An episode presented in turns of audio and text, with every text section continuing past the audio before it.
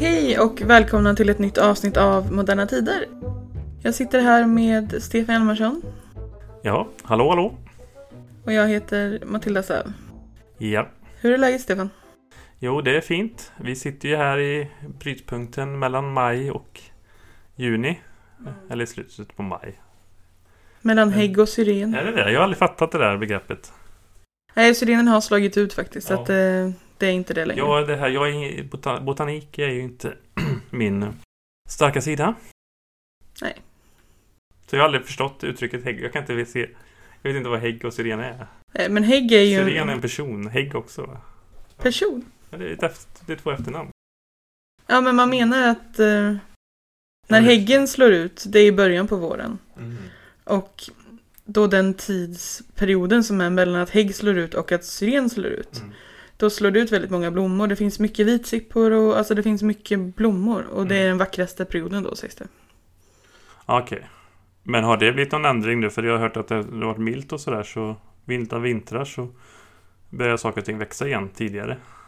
Ja, jag blev förvånad över att eh, syrenen redan är utslagen. Det brukar ju vara runt Mm. sådär eh, skolavslutningar och så. Kanske runt 10 juni eller någonting som, som syren slår ut. Men den är redan Men vi i hade ju inte haft Vi hade inte jä- eller, Vintern nu var väl inte lika mild riktigt som den kanske varit Tidigare år.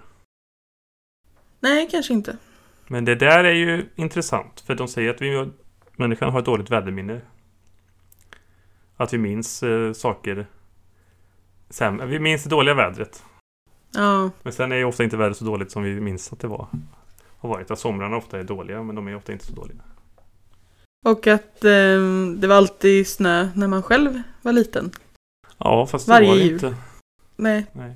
men det... Och det lär ju inte dagens, eh, de som växer upp nu, lär ju inte säga det. Jag menar att man ofta lägger på ett nostalgiskt skimmer också. Mm, det var bättre förr. Vilket tydligen finns ju så här hittat i gamla inristningar och sånt va? Alltså det, alltså, det var bättre förr. Det är ett, liksom ett citat som är jätte, alltså jätte Som, är, som ja. fanns förr, så att säga. Ja men alltså, alltså man hade ofta en syn Den här synen på att det har funnits en tid tidigare som var bättre Den är liksom följer människan genom historien Ja. Ja Och det kanske är något djupt eh, mänskligt psykologiskt i det där att man eh, Ser sin, ofta sin egen tid som inte Som ofta är lite problematisk och eh, ja, det är jätteintressant. mm, Man vet vad man hade men inte vad som kommer i framtiden. Ja Nej precis Och samtidigt ofta är det väl också kanske då att det kanske inte är så problematiserat då bilden av Den gamla tiden Nej, men det sysslar ju vi med. Vi är ju intresserade av vad som hände förr. problematisering. ja. Jag hörde att eh, det var ett inslag på tv. Och jag har hört om detta för ett tag sedan också. Att eh, i höst så ska det komma en... En, en SVT har satt, gjort en storsatsning på eh, historien om Sverige. Ja, just det. Har du hört om det? Med Simon J. Berger. Ja. Mm. Eh, ja. Det ska vi inte, kan inte kommentera just den castingen. Vi är neutrala till den. Det, det eh, påminner lite om den där i den här Viljus och Hägg Viljus och Häger heter de va? Deras, de, de, de gjorde ju bland annat den här Vi såg väl den när vi gjorde om mordet på Gustav III Den här sammansvärjningen Alltså en slags dramadokumentär Eller det var mer drama kanske i den Just det. Eh, De gjorde, har gjort även en om midsommarkrisen. Som också tror jag finns på Uppdrag Arkiv. Det är ett, en, ett avsnitt bara. Då, eh, Thomas Bolme spelar ju någon slags eh, figur som kommer från eller han är ot, otidsenlig kanske, eller ja, jag vet inte. Men han intervjuar, eller han pratar lite så här, i enskilda rum med de olika karaktärerna då och då. Han reser i tiden kan man säga. Ja, fast han reser till den tiden då. Men ibland så här om det har varit någonting så går någon ut och så står han kvar och så frågar han Christian Günther så här att "Ja, vad ville den tyske ambassadören eller tyske ministern? Det kanske är lite det de tänker med Simon J. Berger. Ja, vi får se. Det är väl spännande Men- att eh, de gör någonting i alla fall. Ja, men de har ju tagit in handen här. För det går hade de tydligen eh, presenterat eh, Radiosymfonikerna spelade... Alltså musiken gjord av han, han som är härifrån Linköping. Eh, Ludvig Göransson och... Nu kommer jag inte ihåg vad den andra hette. För de hade gjort eh, musiken till eh, Man- Mandalorian. Och han fick väl en Oscar för eh, Black Panther. Musiken. Alltså Ja. Ludvig. Mm. Ja, han börjar bli ett namn nu. Mandalorian fick de, Oscar, de Oscarsnominerade för också. Han... Eh, de har gjort musiken till det här stora. Men jag är kluven ändå alltså för att... För jag hörde om eh, Vetenskapsradion Historia. Det redan kanske... Det redan var i höstas. Ja, i våras kanske. Ett eh, reportage om inspelningen av den här. För det är mycket dramatisering. Alltså, för då var det till exempel Persiska morden höll de på att spela in. Persiska mordet, förlåt. Eh, men jag skulle ju hellre se att man satsade på att liksom göra någon liksom svulstig dramaserie om svensk historia än det här dokumentära. TV4 gjorde ju för mer än tio år sedan en lång satsning på Sveriges historia. Med du vet Martin Timell och Dick Harrison. Ja, just det. Ja, jag vet inte om det här ska vara något eh, liknande.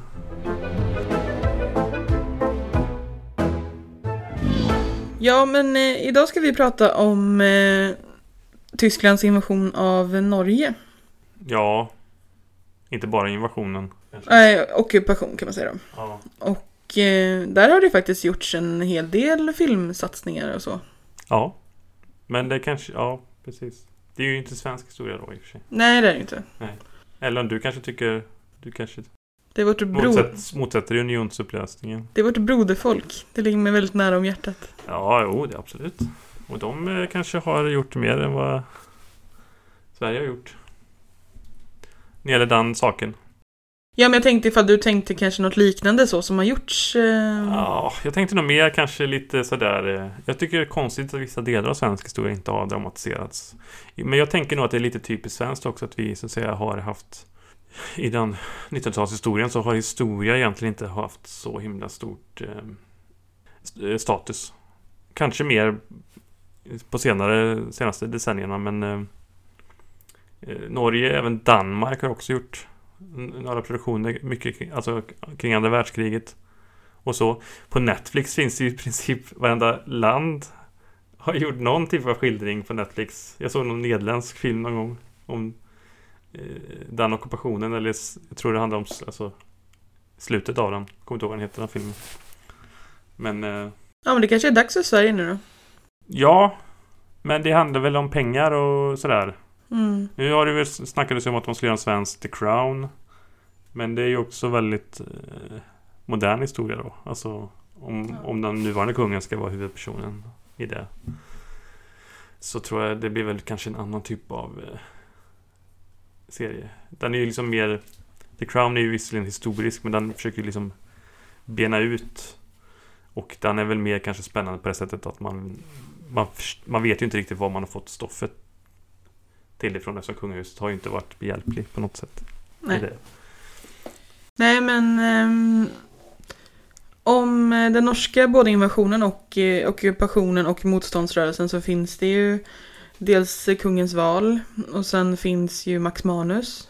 Ja, Atlantic Crossing var ju en serie som inte kom för så länge sedan. nej. Max Manus är väl den äldsta av de filmerna. Ja, 2008 kom den. Och Kungens val vet jag inte, 2000... Och 16 eller Ja, 15 och sådär. ja. För det var väl så att du såg den ganska nyligen? Ja, precis. Och det var väl så vi fick lite idén till det här ämnet. Det var en mycket bra film. Ja, jag såg Max Manus nu eh, i dagarna bara. Jag har sett den några gånger tidigare i och för sig då. Ja, jag har sett den några gånger också. Den är ju actionspäckad. Men jag tänkte på den när jag såg den nu att den är ju väldigt eh, fragmat, fragmat, Fragmentarisk. fragmentarisk i sin skildring. För den hoppar ju väldigt mycket i tid. Alltså de siktar in sig på olika händelser mer och så. så men man hänger inte med i kronologin sådär. Och sen är det helt plötsligt är det ju fred. Ja. Eller de sänker det, dånar ju och sen så händer inte så mycket mer. Sen, sen tycker jag den är ganska, den är ganska bra i slutet. Eller spoiler alert va, men Den här att den är inte så... Mm, den är inte så hyllande på ett sätt. Den hyllar ju i och för sig de här... Max Manus är ju någon slags symbol för...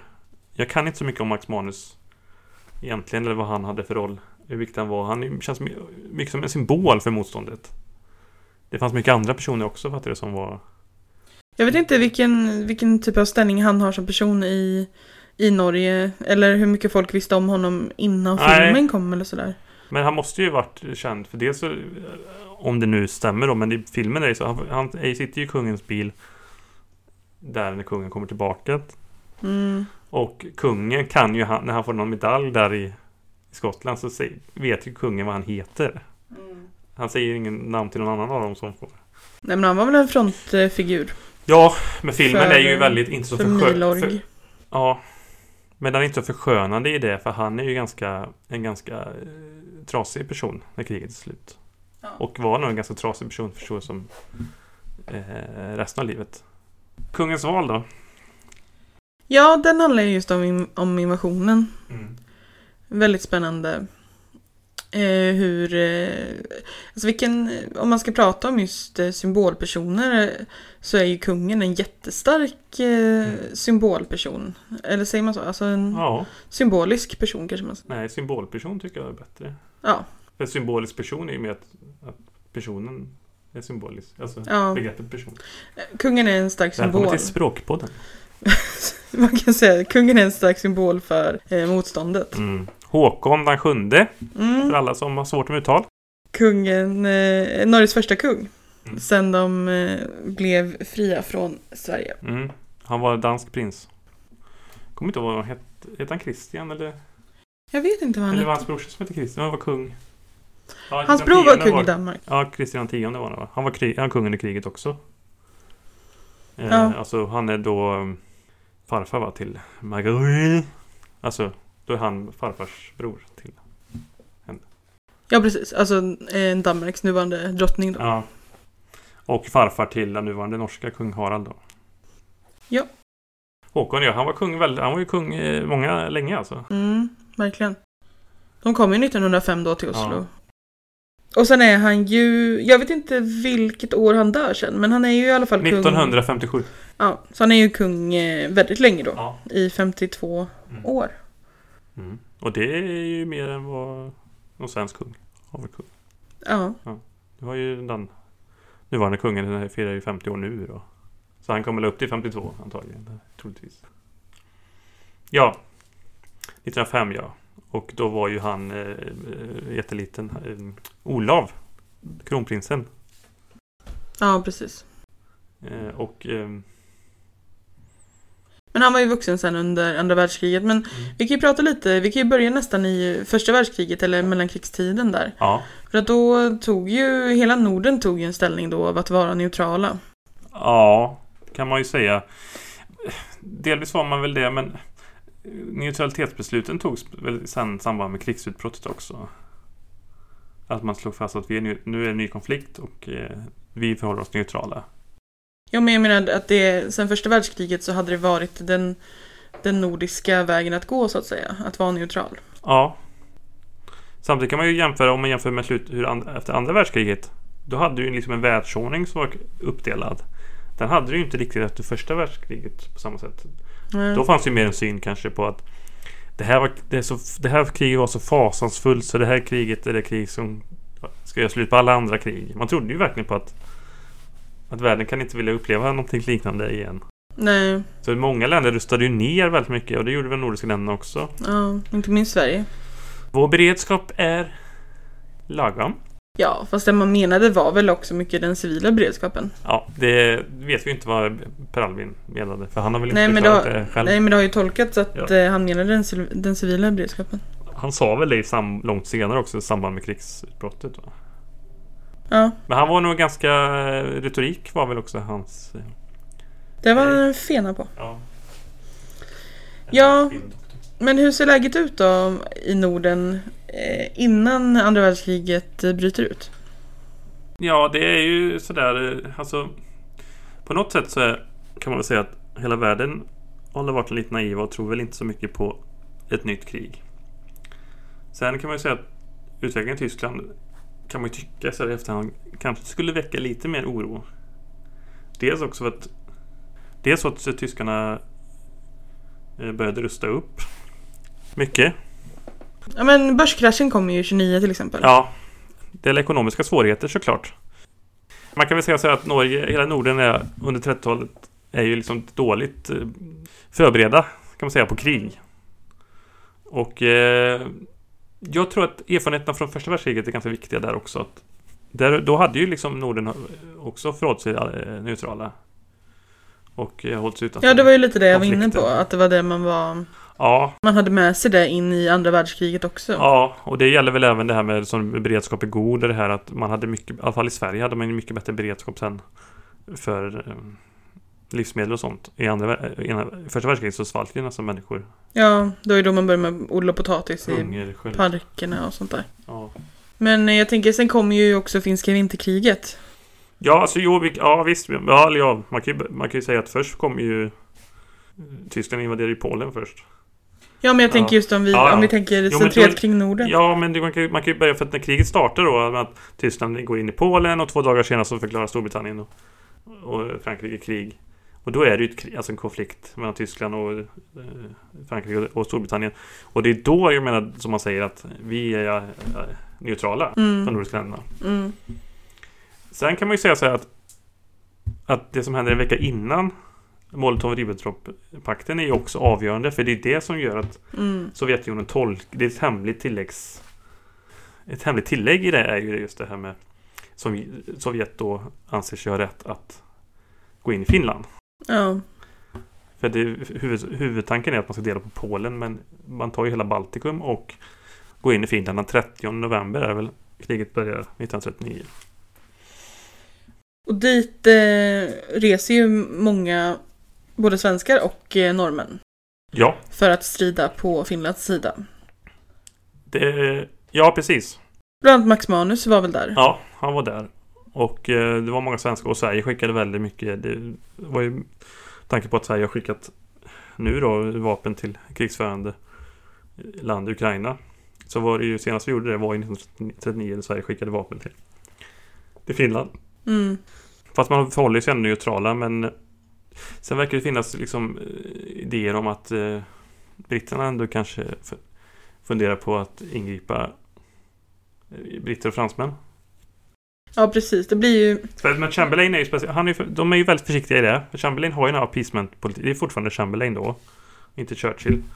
Och då har man ju den här uh, appeasement-politiken. Att man vill ju, man är ju rädd, för man vill ju absolut inte egentligen, för man är ju egentligen inte i krig med Sovjetunionen Nej. då. Utan man är i krig med Tyskland.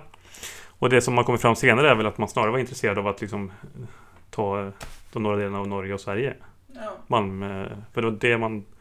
Man vill inte lägga sig i finska vinterkriget, utan man vill snarare då, som du säger, Ja, i sådana fall, för det blir ju en eh, kapplöpning kan man säga, om vem som ska ockupera eh, Norge. Ja, Norge Eller, och Sverige. Norge och. Sverige. Ja, och Sverige var ju, protesterade ju liksom mot eh, de idéerna. För samtidigt som eh, det händer, samtidigt som finska vinterkriget pågår så händer det ju inte så mycket i Tyskland. Nej. Utan Tyskland, de förbereder sig ju för att gå in i Frankrike som Ja. nästa åtgärd. Och ehm, sen så sker ju den här Altmark-händelsen som gör att eh, det blir en förevändning Ja. för eh, Tyskland att eh, ockupera Norge. Ja, då hade jag även här, jag vet inte om det var före eller innan. Det var ju det här, det var någon tysk militär som eh, han flög vilse på något sätt och mellanlandade i, i Belgien. Eller nödlandade i Belgien. Eller, och han hade hela planeringen för väst. Så de väst, de västallierade fick tag på krigsplaneringen. Och det gjorde också att det blev uppskjutet då. Mm. Men det är för framförallt Frankrike man... eh, Det, det, den invasionen man... Man ville genomföra ja. Ja, den är ju viktigast och symboliskt viktigast. Ja. Inte minst. För att det är det, som man, det är det man kan fundera på. Det är väl det som vi båda har nu när vi har läst på inför det här eh, avsnittet. Alltså det, det som jag tycker mig ha kunnat se är ju att eh, det var inte, det var inte så viktigt. Alltså om man säger Dan, framförallt inte Danmark då, men inte. Norge heller. Det var inte så viktigt förutom att det var lite strategiskt för att man kunde skeppa ut eh, järnmalm via Narvik istället för att göra det via Ja. Bottenviken. Ja. Eftersom att den frös till is på vintrarna. Så det man, det Hitler framförallt ville det var ju att eh, invadera Frankrike och sen gå vidare därifrån. Men det var, vad sa du? Storbritannien. Ja, Eller jag tror målet var säkert att knäcka Frankrike och sen tving, eh, hoppas på att britterna ville sluta en separat fred. ja men men sen så, var ju så, öst det stora målet. Lebensraum skulle ju vara i... och österut ja, ja precis. Tydligen så fanns ju redan 1929 hade ju någon skrivit en, bo, en bok att det var eh, strategiskt viktigt för tyskarna att ha Norge för att liksom i, om han, alltså han, spånar väl om ett framtida krig mot Storbritannien. Då att liksom ta de här liksom flott, eh, hamnstäderna i Norge. För no, du ska komma ihåg att Storbritannien är ju fortfarande liksom dominerande sjö eh. Rule the wave. Ja, precis. Så sjunger jag.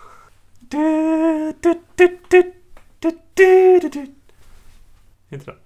Jag vet inte, jag kan inte. Go Britannia, Britannia rule the way. Jaha, Är det så? ah. Eller vilken är de sjunger på den här... eh, Det är en annan de sjunger. Den här...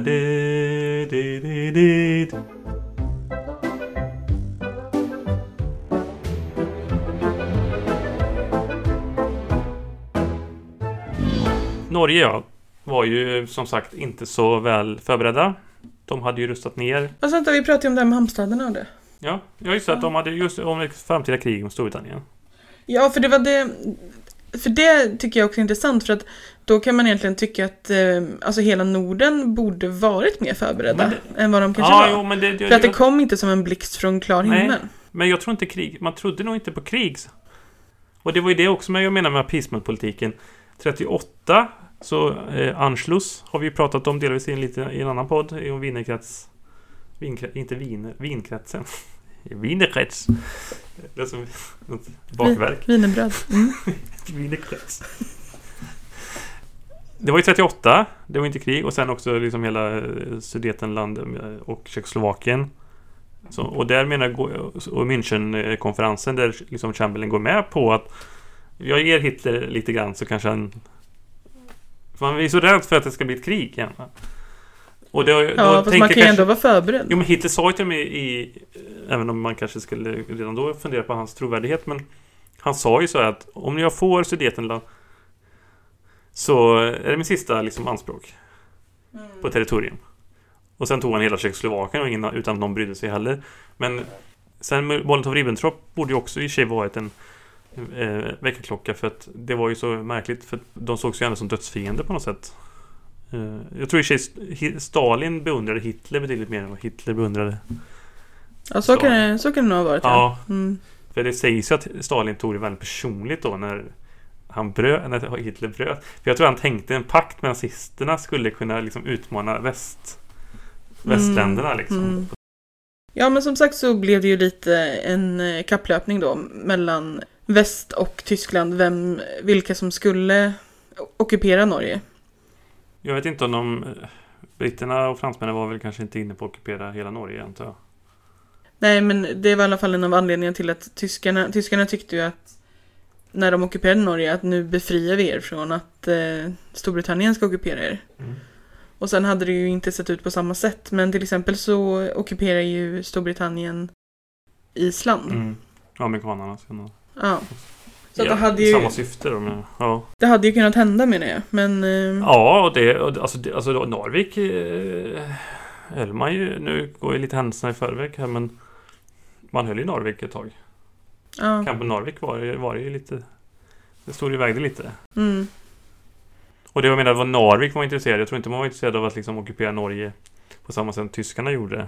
Nej precis, det hade ju sett annorlunda ut om, om det hade blivit så såklart. Men det var ju just det var ju eh, hamnen i Narvik som var central Ja, för men att skeppa ut eh, järnmalm. sen var det tydligen så att man kanske också var intresserad av att ockupera svenska malmfälten. Mm. Men det antar jag också kanske var ett förebyggande syfte för man tänkte att tyskarna skulle vara intresserade av det också. Men i alla fall. Altmark-händelsen. Mm. Den eh, hände i februari va, 1940. Mm. Man ska komma ihåg, du sa ju att det stod, hände inte så mycket i Europa eller i Tyskland innan. Det hände ju ingenting igen, för det kallas ju The Phony War just för att det Det händer ingenting. Mm. Och, och Tysk, Frankrike och Storbritannien ingriper väl inte så mycket i Polen. De, har inte liksom, de är inte förberedda på krig riktigt heller känns det som. Nej. Och sen blir det i Finland, blir det, Finland och Sovjet sluter fred i mars 1940. Ja, precis. Ja, men Altmark-händelsen då som Mm. vi... Februari. mm, och det var då ett tyskt fartyg som hette Altmark. Som eh, hade brittiska krigsfångar. Och de... Ja, alltså, ja. Men de, den, den hade väl någon slags uppdrag i, i Sydatlanten va? Ja, Att eh, skjuta, alltså attackera brittiska handelsfartyg. Ja och då hade de ju brittiska Ja. krigsfångar ombord på båten. Ja, men de hade ju transporterat, de hade varit ganska, alltså det var ju De hade transporterat dem ganska långt. Ja. Mm. Och de transporterades då sen via eh, Via norskt vatten. norskt vatten ja. Mm. Men eh, norrmännen hade ju reagerat på det och, Men verkar ändå mm, Tyckte inte att det var så mycket att tjafsa om. Britterna eh, bestämde sig ju för att eh, frita sina krigsfångar då. När eh, det här skeppet befann sig på Ja, men- norskt neutralt vatten. Ja, det var ju framförallt det de reagerade på var väl att, de, att tyskarna Alltså använde det norsk, norska vattnet. Ja, Fast det gjorde tyskarna redan i sig. De, de använde ju den där rutten just för att de med Malmö för att det var neutralt vatten. det som tyskarna reagerade på det var ju att britterna fritog sina fångar på neutralt norskt vatten. Och då såg ju de det som att jaha, de, eh, de kan invadera neutralt vatten här så då eh, det är en krigshandling från deras sida så då kan ju vi eh, göra en krigshandling för man vet ju aldrig vad eh, britterna kan hitta på. Då kan ju de lika väl invadera Norge när som helst nu då. Ja, jag gissar att de också var, tyckte inte att det var så kul att de just angrep en tyskt fartyg i sig också. Nej såklart, men det gjorde det ju hela värre att det För var... det var ju, var det fyra som dog? Jag vet inte hur många det var som dog, men det var ju en väldigt stor grej att det var just på norskt vatten. Ja, men eh, det är väl också att det är bra, liksom, som jag sa, det är ju bra retorik. Att eh, Altmarkkrisen, eller incidenten, den är väl avgörande för att tyskarna tar beslutet då, troligtvis. För att britterna börjar ju ändå agera också, och framförallt att man eh, den 8 april så minerar man ju det norskt vatten. Mm. Och den 9 april hände ju någonting annat. Ja, precis. Men de, de kanske hade gått in i Norge ändå, men de kanske inte hade gjort det precis vid den tidpunkten. För Malmöfrågan var ju också viktig för tyskarna. Påstår vissa. För det verkar också som att man har forskare och historiker har olika syn på att, eh, att Norge kanske inte blev så viktigt för Tyskland som man hade tänkt sig att det skulle bli. Dels för att man hade Österrike redan sedan tidigare som hade ganska bra tillgångar.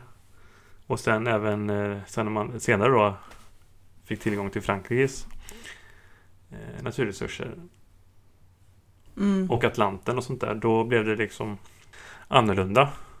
Men det är tydligen det är olika, för tydligen så att det sägs att 50% ungefär av eh, Malm kom, eh, Malmen kom utifrån.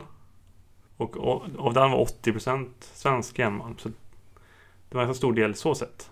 Mm. Och grejen var att tyskarna hade ju börjat, man hade ju rustat upp och hade ju en väldigt stor eh, rustningsindustri. Så Men man vi- krävde ju väldigt mycket råvaror. Det man kan säga är i alla fall att Altmark blev en viktig händelse för Mm. eh, hur kriget skulle utveckla sig Ja. sen. Och eh, då invaderar man Norge den eh, 9 april 1940. Ja. Men eh, man kan säga också att eh, just för att det var i februari och sen invasionen i april så sker ju förberedelsen väldigt, går väldigt snabbt. Mm. Och det är tydligen så att han, vars namn jag inte kommer ihåg, men som fick något slags uppdrag av Hitler att organisera hela. Han liksom gick direkt efter att Hitler hade liksom beordrat honom att plane- börja planeringen så gick han och köpte en, någon slags, en karta över Norge i en Ja. affär. Man kan väl säga så att tyskarna för att det är, ja, det- man ska ju också komma ihåg då att man går ju faktiskt också in i Danmark då samtidigt. Mm. 9 april. Tidigt. Delar vi midnatt ungefär som själva invasionen. Efter midnatt. Ja. Ja, Det på är morgonen där. Ja. Ja. Mm.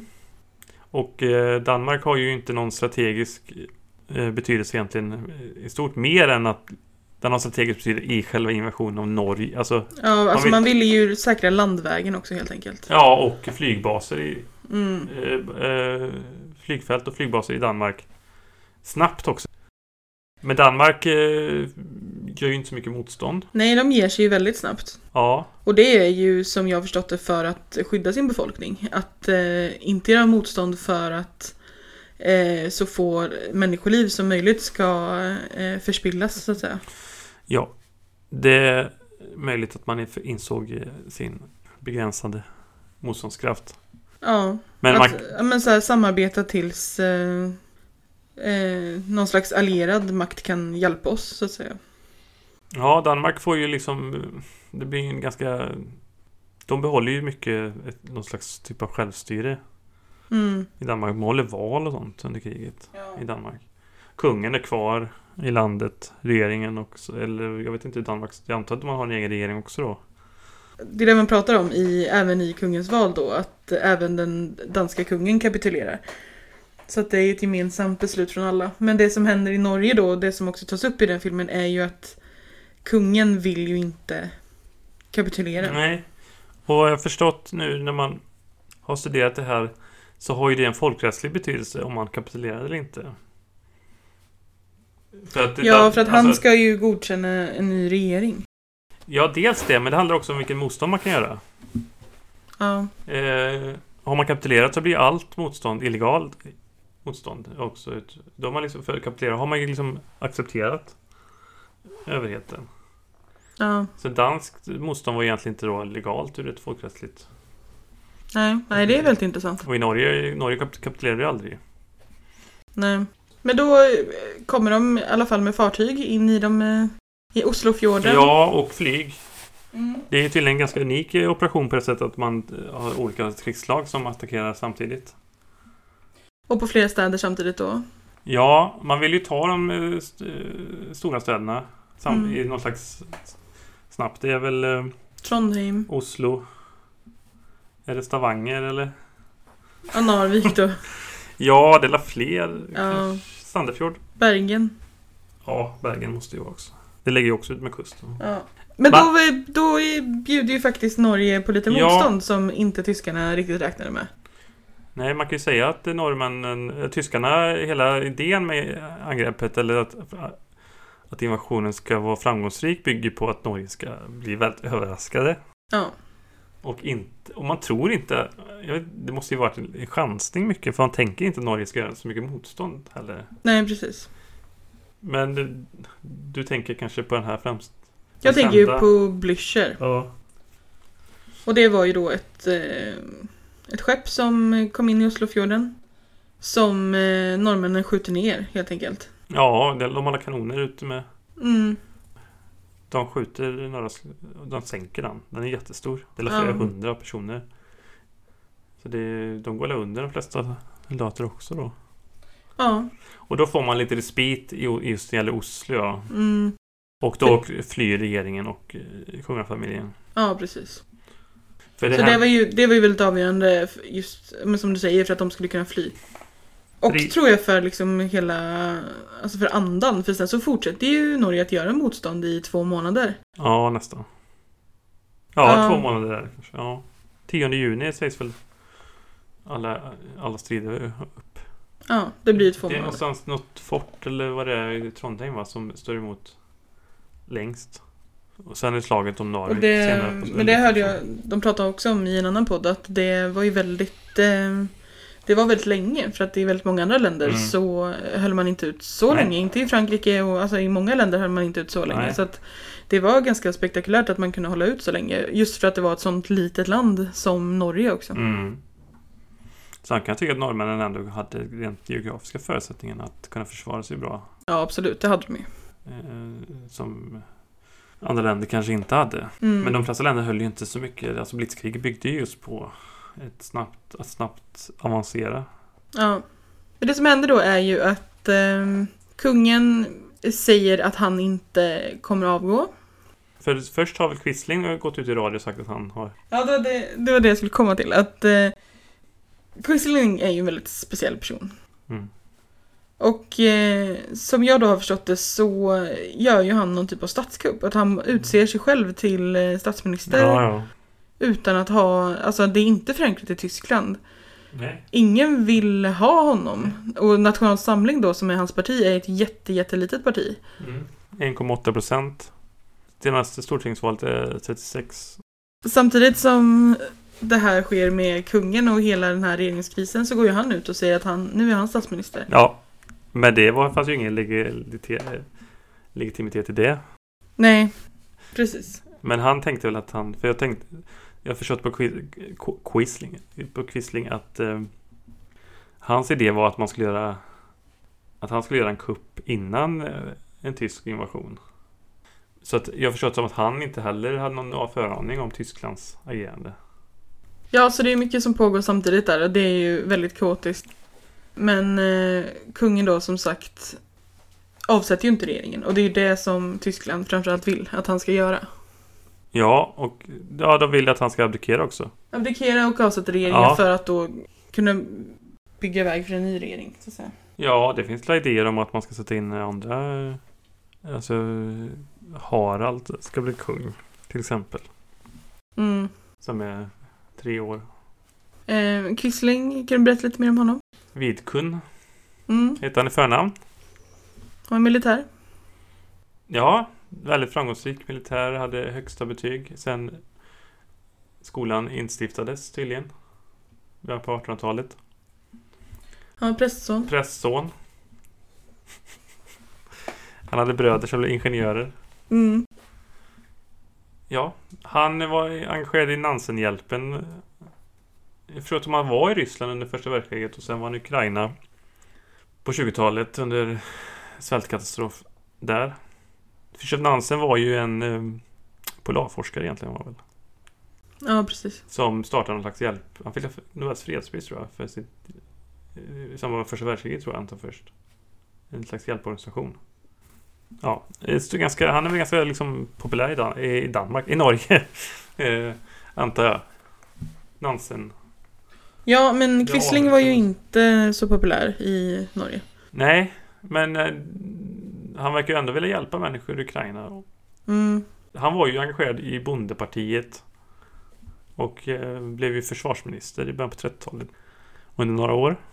Men sen gick han över till Nationell Samling. Ja, jag vet inte om han bildade det partiet eller om det fanns tidigare. Nej, det vet inte jag heller. Han var ju tydligen ganska tidigt eh, intresserad av rasteorier teorier och, Mm. och sånt. Och germanska... Han ville ingå i den germanska... eh, I någon slags germanskt rike. Mm. Han var gift med två fruar. Ja, inte samtidigt då. Ja, nästan va? Nej. De var ukrainskor båda två, eller var det? Ja, först var han ju gift med en, en 16-åring. flicka. Ja. Och det var väl lite sådär spekulationer i om han bara försökte hjälpa henne på något sätt. Men sen så träffade han ju sin eh, kärlek. Som han var gift med. Han var inte så karismatisk. Nej. Men som sagt, som vi sa innan, det att National Samling var ju inte ett stort parti heller. Nej. Eh, och även om de hade nazist... Eh, om de hade nazistiska tankar och åsikter och så, så var ju inte partiet förankrat i eh, Tyskland och i en SDAP liksom. Nej. De ville inte ha Quisling. Tyskarna. Nej. Och norrmännen vill inte ha Quisling. Nej, men det kanske inte spelar så stor roll. Eller det, det, det, det hängde kanske ihop just därför att han inte var en, folk, en populär person. Ja. Men sen var det väl så att eh, Norge kom ju att administreras direkt under tysk administration. Alltså Josef Terboven Ja. var, blev ju rikskommissarie över Norge. Sen tydligen så förhandlade man fram något slags eh, administrationsråd som leddes av norrmän. Så att eh, Quisling, jag, jag förstår inte riktigt vad han gjorde mellan 39 och 42 men han var väl någon slags galjonsfigur då. För att han fick väl ändå sitta uppe på slottet och sådär. Jag vet inte heller riktigt vad han gjorde, men som sagt, Terboven kom ju där då och... Eh, Ja men sen utsåg de ju 1 februari 1942 utsågs ju Quisling till ja. ministerpresident eller kallar de det? Men det, det förstår jag som att tyskarna ändå såg han som en person som kunde sköta nazifieringen. För han var ändå en sann nazist antar jag de såg honom som. För det ska man komma ihåg, Norge var inte, alltså det fanns ju en, liksom en både liksom en aktiv motståndsrörelse så, men folk i allmänhet var ju inte så sugna på att bli nazifierade i Norge. Nej, och jag menar det är det som... Jag tänkte du sa det där med att det spelade roll om han var populär i Norge eller inte, men... Eh, alltså, Ja men uppenbarligen gjorde jag sa fel där. För att Jaha. uppenbarligen gjorde jag för det var ju det som tyskarna tyckte att han var inte en person som var någon slags enande figur. Nej. Men jag tänkte bara att tyskarna brukar väl inte bry sig om det egentligen. För de tänker väl att med vapenmakt kan man väl få folk till vad som Ja, helst. men Quisling har ju blivit synonymt med ordet förrädare. Så att eh, det är ju väldigt speciellt. Ja, alltså jag fattar som att det begreppet kom redan i sam i, samtidigt som det skedde va? Ja, Och jag har hört, men det kanske är fel då. För tidigare har jag hört att det var, att det var Churchill som myntade begreppet. ja, jaha okej. Men det, Nej, för jag tänkte att, alltså, att det var från norska folket för att han förrådde ju det norska ja, men det var en folket. internationell beteckning. Jo, det har ju använts, men att det kommer från norska folket. Ja, det vet jag inte. Nej, men... eh, Det vet jag inte. Det vet jag ingenting om. Jag har ingen aning. Det är väldigt speciellt att det blir så. För att han, eh, ja men för att han var ju inte någon som, eh, han ville ju inte vara med i motståndet så att säga.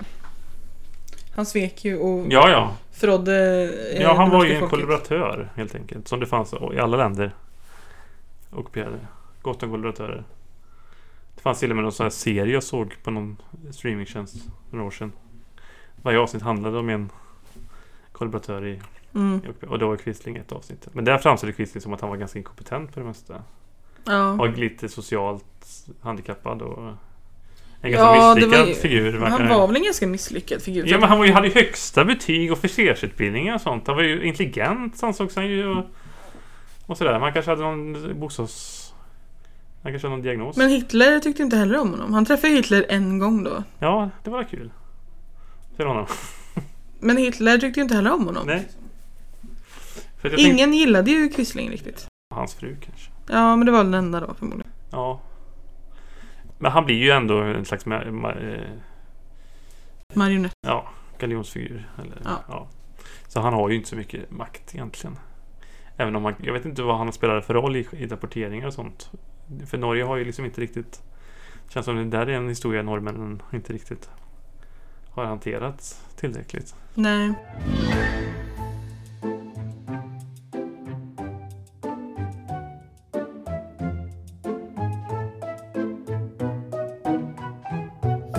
Men sen pågår ju kriget då. Ja.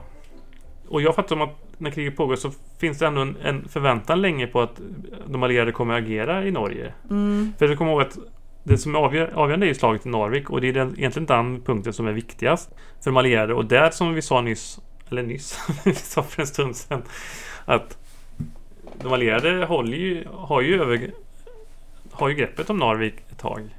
Men sen kan man ju inte hålla massa, för sen kommer ju invasionen av eh, Benelux och eh, Frankrike där i maj. Och då måste man ju förflytta resurser och, och eh, Ja, människor. precis. Man har inte, kan inte hålla liksom det motstånd. Man måste förflytta till västfronten. Och Mm. då, då förlorar Norge kan man säga. Och den 7 juni lämnar väl regeringen och kungen landet. Då har man Mm. hållit på och åkt runt liksom bara antar jag. Det är Ja. det som kungens val eh, skildrar. Precis. Och då är det här med Sverige att då ville man gå och åka in i Sverige och bo på ett vandrarhem eller? Mm. Och det kunde Günther då inte. Den svenska utrikesministern kunde inte garantera att han inte internerade kungen. Nej. Och det hade också med, det, det hade också med folkrätts... Han var liksom statschef för ett... ett det, jag vet inte vad Norges status var för de såg så krigs... Krigsförbrytare då? Eller? Land då eller? För de var inte Ja. de var ju... Det skulle vara ett krigsbrott för Sverige att, Nej, allier, ja, eller, att hålla dem så att säga. Ett eh, neutralitetsbrott. Ja, precis. Ja. Mm. Men Sverige, vi, vi, vi, den här tolkningen för vad som var ett neutralitetsbrott var liksom väldigt töjbara för den svenska regeringen Ja. under kriget. För det man ska komma ihåg att transitering och sånt började redan under 1940. Att man skickar fram och tillbaka tyskar mellan från och till Norge. Mm. Men det var jag skulle komma till var att man, det verkar kändes som att man ganska länge sedan väntade sig att de allierade skulle, att man skulle ha någon slags eh, lands, alltså att man skulle försöka återta Norge. Eller man ska säga. Ja, för det var, alltså, om vi ska komma in lite på motståndsrörelsen sen så Mm. det var ju det som eh, de också fokuserade väldigt mycket på. tränades för det då. Ja, precis. Jag bara tänker hur, om vi ska prata något om hur klimatet var, Mm. säga mellan juni 1940 fram till eh, 45. Alltså det... Ja, men det sägs ju att Norge var en, ändå en, en relativt mild eh, ock- ockupation. Ja, Även om eh, man kan säga, jag såg ju Max Manus då till exempel nu. Även det är ju en spelfilm såklart, så man får komma ihåg det. mm, Men där känns det som att där intensis, intensi, intensi, intensifieras. intensifieras ju eh, motståndet. Eller framförallt kanske repressionen från tyskarna blir tuffare. För i slut, filmen slutar ju lite med att de går, alltså det är flera som dödas ju av de här ledande figurerna. I Mm. en slags, alltså rädd. Ja, men det, de har det, är ändå, det, är ändå, det är ändå motståndsmän då. Jag Ja. bara tänker hur, för att det har jag också hört, alltså Himmler är ju ett eh, känt exempel på någon som tyckte väldigt mycket om Ja, ja. eh, hela Nordens Mm, befolkning. ja, alltså de, de var ju arier. Ja, inte Finland då kanske. Men... Eh, Eh, Okej, men i alla fall Sverige, Norge Danmark. Ja. Skandinavien i alla fall. mm, Och ehm, alltså att Norge blev behandlade, Danmark blev ännu bättre behandlade men att Norge också blev ganska bra behandlade. Man ville att det skulle vara ett exemplariskt eh, bemötande egentligen. mm, För att man tyckte att det här var bra ariska människor. mm. Och sen, eh, men samtidigt då så pågick ju också en, eh, alltså förintelsen pågick ju också. Alltså man deporterade ju massor av judar. Ja, eh, 42 börjar man väl eh, deportera antar jag. Va, va, eh? Wannsee-konferensen var väl i början på 42 där man beslutade om den slutgiltiga lösningen. Och då började man ju deportera folk från alla ockuperade områden. Mm. Och i Norge var det ungefär 700 personer någonting va, som Ja, jag har hört lite olika siffror men eh, vi kan väl säga ungefär 700 personer 40 av, ungefär. av ungefär 2000. Mm. Ja, Ja. för de, resten flydde då. Ja, väldigt många flydde till Sverige. Ja, jag vet inte hur Sverige, för Sverige hade egentligen stängt sina gränser för judisk flykting. Ja men eh, väldigt flyktingar. många, för därför eh, så det fanns inte de här eh, att judar gömde sig i alla Anne Frank till exempel. Nej. Det fanns inte så mycket i Norge utan för de flesta kunde fly till Sverige Ja, eh, är min uppfattning i alla fall. Men det var ändå som du säger eh, runt 700 personer som blev deporterade och det får man ju inte glömma. Och det är väl något som eh, jag också har liksom blivit mer varse nu som jag inte har tänkt så mycket på innan att eh, det pratar inte Norge så mycket om. Alltså Norge är väldigt fokuserade på just eh, ockupationen av landet men man pratar inte så mycket om förintelsen som också pågick. Och att så många judar eh, faktiskt deporterades utan speciellt mycket motstånd från, eh, från till exempel eh, motståndsrörelser och så men jag fattade det som att den här Budapest-fartyget skulle användas för att eh, till exempel transportera människor. Ja, berätta mer om det då. Mm, Nej, men det, det var ju ett stort fartyg eh, som man sänkte i motståndsrörelsen. Det är med i den här filmen. Det är i slutet. Det är ganska sent tror jag, det är 44 eller någonting. Ja, jo, jag säger inte att de Men inte... det Jag säger inte att de inte gjorde något motstånd alls, men de eh, hade kunnat göra mer Ja, men motstånd. så att motståndsrörelsen var väl inte så utdelad också. Det man har börjat undersöka kanske på senare år är väl liksom motståndsrörelsens inställning till Förintelsen och hur mycket man liksom aktivt arbetat, tyckt såg det som sin roll att kämpa för judarnas sak. Ja, precis. Det är, Ja. det är precis det jag menar. Ja, men alltså, jo, precis. Men du kan ju berätta lite om den norska motståndsrörelsen. Ja, eh, det fanns ju något som hette Jämmefronten, som ju var någon slags mer civilt försvar. Och sen så fanns det ju den eh, som kallades för Milorg. Och det var ju den som eh, Max Manus var en del av. Och eh, han ingick ju i något som hette eh, Kompani Linge. Mm.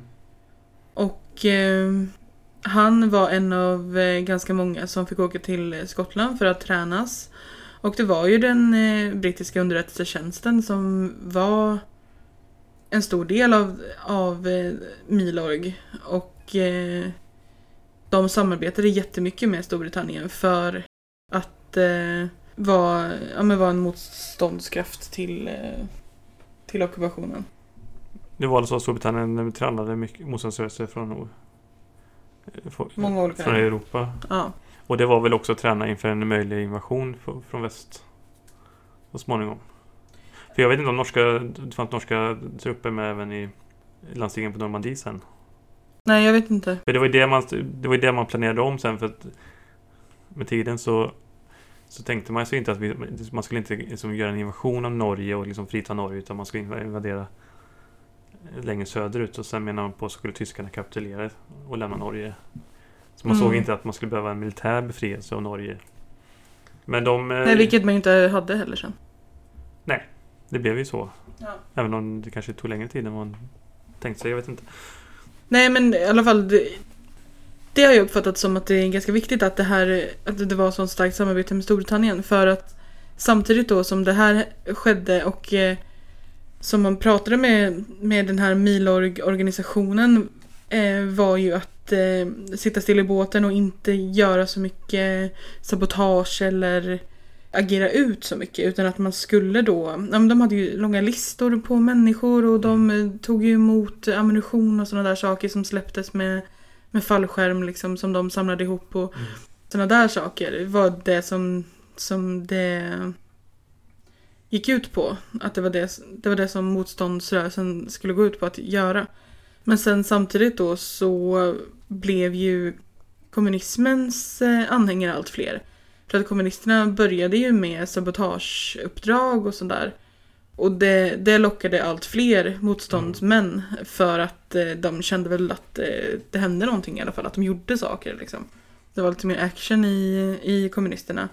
Och det fanns ju ett parti som hette NKP som eh, blev mer och mer utbrett och de hade tidningar och de hade infrastruktur och de, de blev ganska etablerade i någon slags underground-rörelse för att de hade ju inte heller, alltså när, in, när invasionen kom så hade ju alla partier upplöst bara i stort sett. Men NKP gick ju under jord och började verka under jord liksom, så Mm. de upplöstes inte. Så det blev ju mer och mer det blev fler och fler sabotage och det blev fler och fler aktioner från NKP ju längre tiden gick. Mm. Och som jag uppfattade också, som jag tycker har varit lite, jag vet inte om du har mer klarhet i det, men eh, att Milorg började samarbeta mer och mer med NKP och ingick i de här Så, sabotagegrejerna mer och mer ja, mot slutet. det, eh, det känns som att du har bättre koll på. Ja, jag kan inte svära på att det var så, men jag... Men jag kan säga så här att nu när jag kollar Max manus så kändes det inte som att det nämndes ens. Kommunisterna i den här filmen. Nej, Så det är väl någonting som man kanske historiskt sett i historieskildring inte heller vill prata så mycket om. nej. Nej, för jag vet de pratade om det i en annan podd, att det är en jättestor... eh, Alltså de som var eh, motståndsmän var ju ofta kommunister i andra länder. Och att det var ganska unikt för Norge att ha en sån stor antikommunistisk eh, motståndsrörelse som faktiskt eh, Norge hade då. Det som är problematiskt är väl att motståndsrörelsen ändå inte hjälpte judar på samma sätt. Nej, eller nej precis. Och det är det som Men- eh, man kanske, ja, men som du sa, som man börjar prata mer om på senare tid. Som eh, kanske alltså det var mycket mer problematiskt än vad man har tagit upp tidigare. Och det kanske är någonting som Norge inte är speciellt glada över heller, så att säga. För det, säger väl lite om någon slags norsk folkanda, eller vad man ska säga. Jag förstår också i de rättegångarna som Norge var ett av de länder som hade de största, liksom, hade liksom största rättsapparaten efter kriget mot personer som varit inblandade med ockupationsmakten så förstår jag som att ingen dömdes för bidraget till jude... Nej, precis. Nej, precis. Eh, Men man kan ju också säga att av många, många av de, alltså de som utförde de här deporteringarna, det var ju nazifierad civilpolis liksom i Norge. Ja, Så att eh, där kan man ju också prata om då, alltså det var inte så många civilpoliser som blev dömda sen i rättegångarna till exempel. nej. De utför ju attentat va?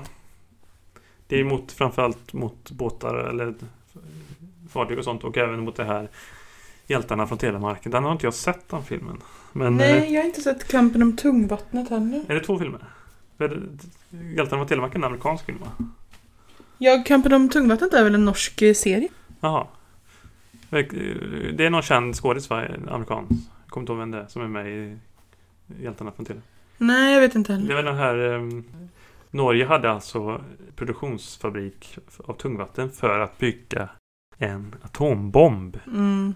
Tyskarna låg ju kanske steget före amerikanerna. Manhattan-projektet, eh, alltså det hemliga projekt som pågick i USA om att skapa en atombomb var egentligen ett svar på tyska V, V1 och V2 raketerna som man hade utvecklat. Det pratade vi ju lite om i förra avsnittet om rymdkapplöpningen. Att rymdkapplöpningen var ju en, en fortsättning av V1, V1 och V2 projekten eller de det var ju raketer man skickade, lång, långdistansraketer tyskarna byggde. Som man kunde framförallt skjuta mot Storbritannien. I slutet på kriget. Och det var ju, amerikanerna plockade ju upp eh, en del tyska forskare och sånt efter kriget. Mm. Men det kan man ju lyssna på om man vill. Kriget tar ju slut då, 7-8 maj. Där. Man, tyskarna kapitulerar väl i samband, egentligen samtidigt som man kapitulerar i, i, i Berlin. Ja. Ja, Frankrike och sånt är ju redan befriat sedan tidigare till exempel. Mm. Och Belgien och Nederländerna och sådär. Tyskarna försöker ju i december, januari där. Men de hade Så väl försöker inte... man ju den Ardenner, en sista offensiv, Ardenner-offensiven. Men de hade väl inte kapitulerat tidigare i Norge i alla fall? Nej. Nej. Jag fattar som att de norska, det fanns ju över några hundratusen eh, tyska soldater kvar den 7 maj Mm. i Norge. Och då blir Norge fritt. Och det blir en ganska liksom odramatisk eh, avveckling. Jag Jag vet inte om de bara åker hem eller vad de gör. Och då är det mycket så här, kungen kommer tillbaka sen i juni. Och då är det mycket så här. Och det var ju samma sak när Sverige Mycket pompa och ståt. Ja, men även 8 maj i Sverige när man gick ut där på Kungsgatan och sånt. Så det var mycket norska flaggor man viftade med och, Ja, just det. och så. Men sen kan man ju säga att Norge som sagt då har en ganska lång process efter. Alltså man gör upp väldigt upp med det här och det är många som döms och det är många som döms till döden. Den mest kända där var väl eh, Vidkun Quisling Han arkebuserades. på Akershus. Ja. Det är intressant att Norge hade avskaffat sitt dödsstraff. Även i, i, Mm. i, i, livs, i krigstid. Men eh, tydligen, jag vet inte om det var någon slags specialtribunal något man hade liksom för de här sakerna. Nej. Men eh, Kristin dömdes i alla fall och avrättades och eh, flertalet andra avrättades. Man avrättade ganska många personer kan man säga. Ja, en siffra är ju 25 personer. Men det är ganska många. Mm. För jag har fast som att de här dödsdomarna verkställdes också allihop. Ja.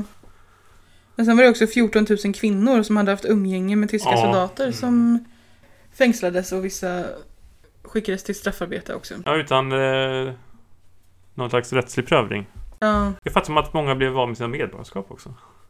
Alltså det var ju en enorm, ett väldigt stort straff mot de här kvinnorna. Man Ja, pratar ju om eh, tyskjäntor eller eh, ja tyskhorer. tyskhorer. Ja. Och eh, det föddes ju rätt många barn, 10 000 barn ungefär som Mm. resultat. Och de utsattes också för övergrepp. Tyskungar. Mycket, ja. Så det var ju, det, är en och det, men det var väl inget som är unikt för Norge på något sätt. Nej, Det var så i många ockuperade länder. så, men så, det är ju en allmänt eh, vedertagen eh, strategi i krig att våldta. Liksom. Jo, Det var ju ett väldigt hårt straff mot de här kvinnorna och Ja. mot de här barnen för att eh, väldigt många kvinnor hade ju såklart blivit våldtagna och Ja. det är ju varken kvinnornas och inte barnens fel. ja. Jag vet, jag vet inte hur, det, hur den, man ser på den saken idag i Norge. Nej, jag vet inte heller riktigt. Vi har ju kända personer. Anne, Anne Frid Lyngstad är ju till exempel en, en, ett- en tysk ung. Nej, men vad kan man sammanfatta det hela som då? Eller vad är arvet efter eh, ockupationen? Ja, det, det är väl den här liksom eh, den norska eh, nationalismen. Ja, jag tycker det är väldigt eh, intressant. Man fick en stark eh, eh, nationalidentitet Mm. av krigsupplevelsen. Och det mm, som jag tycker är väldigt intressant och som man kanske inte eh, pratar om så mycket att eftersom att Norge var så pass ungt land så hade de inte en nationell identitet på det sättet. Nej, Men det här, den här händelsen fick, och, och faktumet då att de inte la sig utan att de stod emot och försökte göra motstånd mot tyskarna, det gjorde att man fick en väldigt stark känsla av att vi var landet som stod emot. Mm. Men det är också en... Det är ju segraren som skriver historien, så att säga. Och eh, ibland sägs det väl att det finns, mycket, det finns rykten om att det finns historier som är påhittade. Och, alltså hjältemodet har överdrivits. Även om, som sagt, så verkar ju motståndet funnits. Även om det inte var ett aktivt liksom, eh, vapenmotstånd så fanns det ju, som jag sa, att det i samhället verkar funnits en stark motvilja mot tyskarna. Alltså lärarna vill inte ha en nazifierad undervisning. Nej. Och det var strejker och grejer. Tyskarna hade lite svårt att hantera det tror jag. Hur man... Och även eh, idrottsrörelsen bojkottade tävlingar och sånt under, under alla de här ockupationsåren. Och alla biskopar Mm. sa upp sig. Kyrkan protesterade tydligt. Där kan man ju komma in på igen då det här med till exempel att kanske inte, det gjordes inte så många demonstrationer och sådär eh, för eh, att för, försöka förhindra deporteringen av judar till exempel. Nej. Så att det låg på en folklig nivå där också. Men eh, jag tycker det är intressant är just i kontexten av att Norge inte har varit ett eh, självständigt land så länge. Att man kanske letade efter någonting som skulle ena landet. Ja, men jo visst. Men Sverige har ju inte hittat någonting än efter tusen år. Så att... Fast vi kanske är tryggare i vår eh, Ja, fast det är ju det vi inte är. nationella Norrmännen är ju gemenskap. betydligt tryggare i sin nationella Jo men då fick ju de det här som hjälpte Ja, jag dem menar det. Och det är en förklaring till det. Alltså Norge har ju ofta beskrivits som en slags sund nationalism. Jag kom precis på att det, det var en sak som jag inte hade nämnt där och det var ju den motståndsrörelsen som var av eh, eh, norska Nazist. nazister Ja. som inte tyckte att någon liten fjant från Tyskland skulle vara ledare så att säga. Nej, men den... eh, Utan de var, de var riktiga arier och de var Ja. hedningar och de Ja. trodde på Jesus var jude va? Så att, Jesus vi gjorde precis. Så att de var liksom, de var motståndsmän fast de var nazister också. ja. Det som kan vara intressant är ju då att Himmler tyckte ju att de här, det här partiet i Norge i alla fall, att det var bra. Mm. Och att han var väl lite sliten mellan, eh, mellan de här. För att han tyckte ju egentligen också då att det som de, de norska nazisterna sa var vettigt. Så att säga. ja. Men han var väl också skaparen mycket av den här liksom oerhörda mystiken. I SS till exempel så fanns ju väldigt mycket en mystisk eh, gren. Som höll på med mycket sådana. Och det tror jag det fanns, det fanns mycket romantik kring just eh, hedendom och eh, ja, eh, alltså nordisk mytologi och, Ja. och så. Ja, men eh, har vi glömt något? Nej, Har vi pratat om Gregers? det, jag tycker det var ett väldigt intressant eh, ämne att fördjupa sig i och eh, intressant att lyssna på andra röster också. Att höra flera olika källor eh, i förberedelsearbetet. För att Mm. Där tycker jag det kommer fram också att Norge börjar få en lite mer nyanserad bild på det här. Att det inte bara är att vi är hjältelandet som stod emot utan att det- man börjar få, eh, som Mm. jag sa, en mer nyanserad bild av eh, att det inte bara var någon slags den dumma tysken kommer och vi står emot och sen vann vi och allt är frid och fröjd liksom. Utan det, det är viktigt Hade att kriget slutat på ett annat sätt så hade ju historien sett... Nej men till exempel det här med, med judarna är ju en typisk sån grej som Ja. man kanske har börjat ta upp mer nu. Men jag, det är ju intressant och och det skulle man kanske kollat mer på hur det var i andra länder. För I Danmark till exempel gjorde man ju stora räddningsaktioner. Man räddade ju över... ja, Finns det någon film om det också tror jag? Om när man hjälpte dem över till Sverige va? Över Mm. Öresund. Och där verkar det som att man ändå hade en mer än den judiska befolkningen i, i åtanke. Mm. Jag vet inte hur stor, eh, hur stor judisk befolkning Danmark hade på den tiden. Men, Nej, det får bli ett annat avsnitt. ja. men eh, okej. Vi säger väl så då. Ja, då får vi tacka för den här gången. Ja, tack så mycket. Hej då. Hej då!